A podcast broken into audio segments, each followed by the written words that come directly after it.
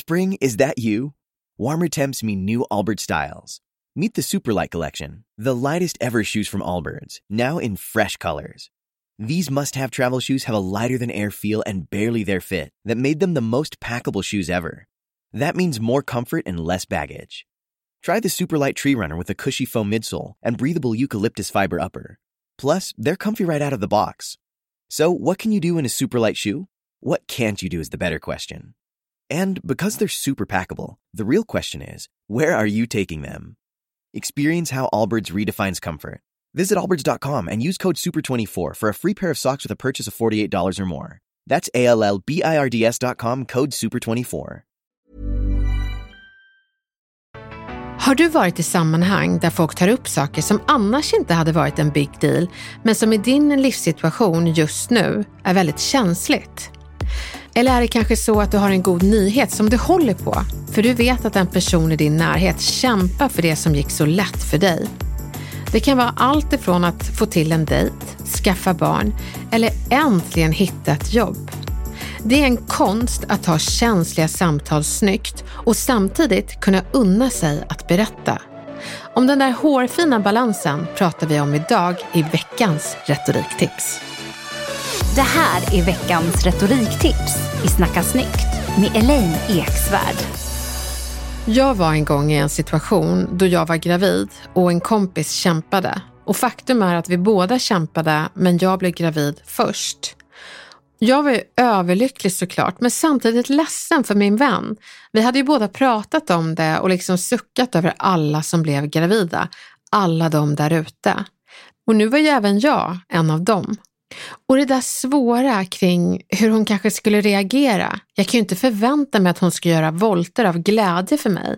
Samtidigt så vill jag inte utsätta henne för att försöka dölja tårarna samtidigt som hon säger grattis. Så vad gör man? Vi börjar med dig som har den glada nyheten.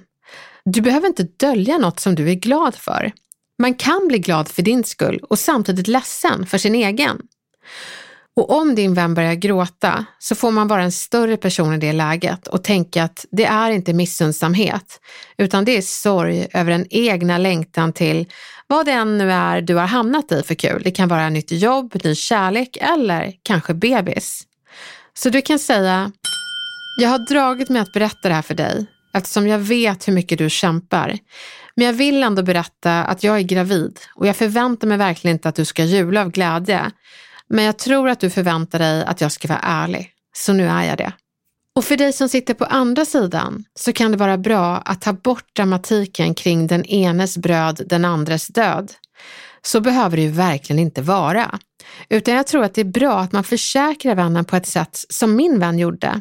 Hon sa, Elaine, jag är skitledsen att jag kämpar med att bli gravid, men det ska inte blandas ihop med att jag blir ledsen över att du har blivit det. Jag kan fortfarande bli glad för din skull och ledsen för min egen. Det ena utesluter inte det andra. Jag blir mer ledsen över att du inte kände att du kunde berätta för mig innan vecka 23.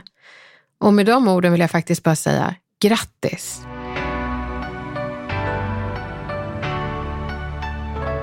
Och det här kanske bara är själva nyheten, men efter man har berättat att man är gravid så kan man ju ha lite fingertoppskänsla och kanske inte spinna vidare på meningar som jag är i vecka 23 och man kan känna sparkarna. Jag känner mig hel för första gången. Man blir nog inte hel förrän man blir med barn. Anyways, jag har kollat på kläder.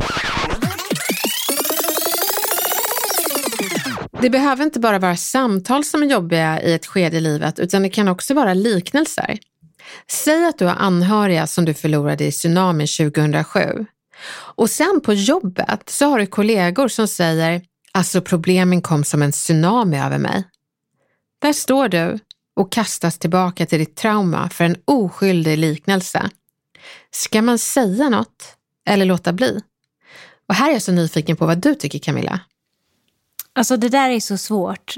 Om kollegorna är medvetna om vad du har gått igenom så känns det ju så okänsligt. Mm.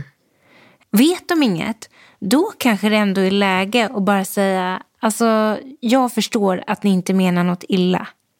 Eh, men jag förlorade min familj i tsunamin och jag tycker att sådana liknelser blir superjobbiga. Mm. Bara så att man har gjort dem medvetna. Ja. Men jag tror, vissa har bara ett språkbruk. Jag vet att någon gång så sa jag, han såg helt stelopererad ut. Jag sa det när jag eh, föreläste, jag tror jag var 23-24 år. Och jag ville mer säga att han, han liksom var så stel eh, och, och som person. Och då satt en kvinna i publiken och sa, den där liknelsen, kan du fundera på den? För min dotter är stelopererad. Och där och då tyckte jag så, men herregud, då kan man ju aldrig prata längre. Jag blev som den här tröttmössan, så man får inte säga någonting längre. Men jag tackade ändå henne. Um, kanske inte då, men jag tackar henne nu för att hon sa till. För jag tror att alla har någonting känsligt och kan man så vore det fint att kunna visa lite hänsyn. Jag tror alla vi har liksom känslomässiga eh, ordminor som man helst skulle önska att folk inte trampar på. Jag vet att det finns folk som säger, är det här, den här, eh, det här företaget sjönk som en båt. Och då kan jag alltid haja till lite eftersom min mans eh, mamma eh, gick bort i eh, Estonia. Och eh, ska man inte låta folk säga så? Och jag har faktiskt frågat eh, min man vad han tycker om det och han säger nej men jag försöker alltid zooma ut för att den liknelsen är så vanlig så jag kan inte vinna den kampen. Utan jag försöker tänka på annat. Men om man har en kollega som hela tiden drar de här äh, parallellerna eller liknelserna som väcker trauman i en, då tycker jag att det är värt att ge personen en chans att sluta göra bort sig omedvetet. Och jag har ett förslag på mening till det. Surprise! Och det är, jag har inte berättat det här, men jag tänkte att jag gör det för att förklara hur oskyldiga liknelser som tsunami väcker i mig. Det är ett ganska stort trauma för mig och jag har försökt tackla det själv när du säger det, för jag vet ju att du inte menar något illa. Men jag skulle vilja be dig om hjälp att kanske välja andra liknelser i fortsättningen. Skulle det vara okej? Okay? Så egentligen säger jag bara det du sa. Och jag tycker det är ett skitbra förslag. Jag tycker att vi ska våga prata och benämna det som är känsligt för oss för tillfället. Särskilt om det rör om lite. Folk vill kunna visa hänsyn. Sen finns det ju såklart gränser.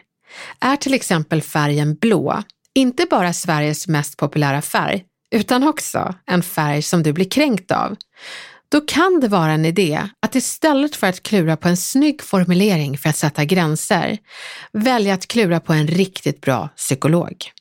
Allt är en avvägning. Vissa saker får man lära sig att förhålla sig till.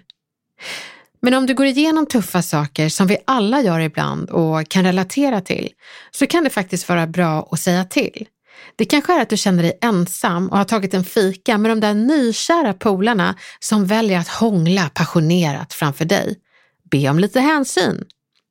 Längtar du efter barn så kan vänner gärna prata om att livets mening är barn, men de behöver inte prata om det med dig. Det skadar inte att berätta vad du går igenom just nu och be om lite hänsyn en tid framöver. Det kommer gå bra. För vet du, du är värd lite hänsyn och folk vill alltid väl, trots att det inte alltid landar så. Ge dem en chans att göra rätt. Lycka till!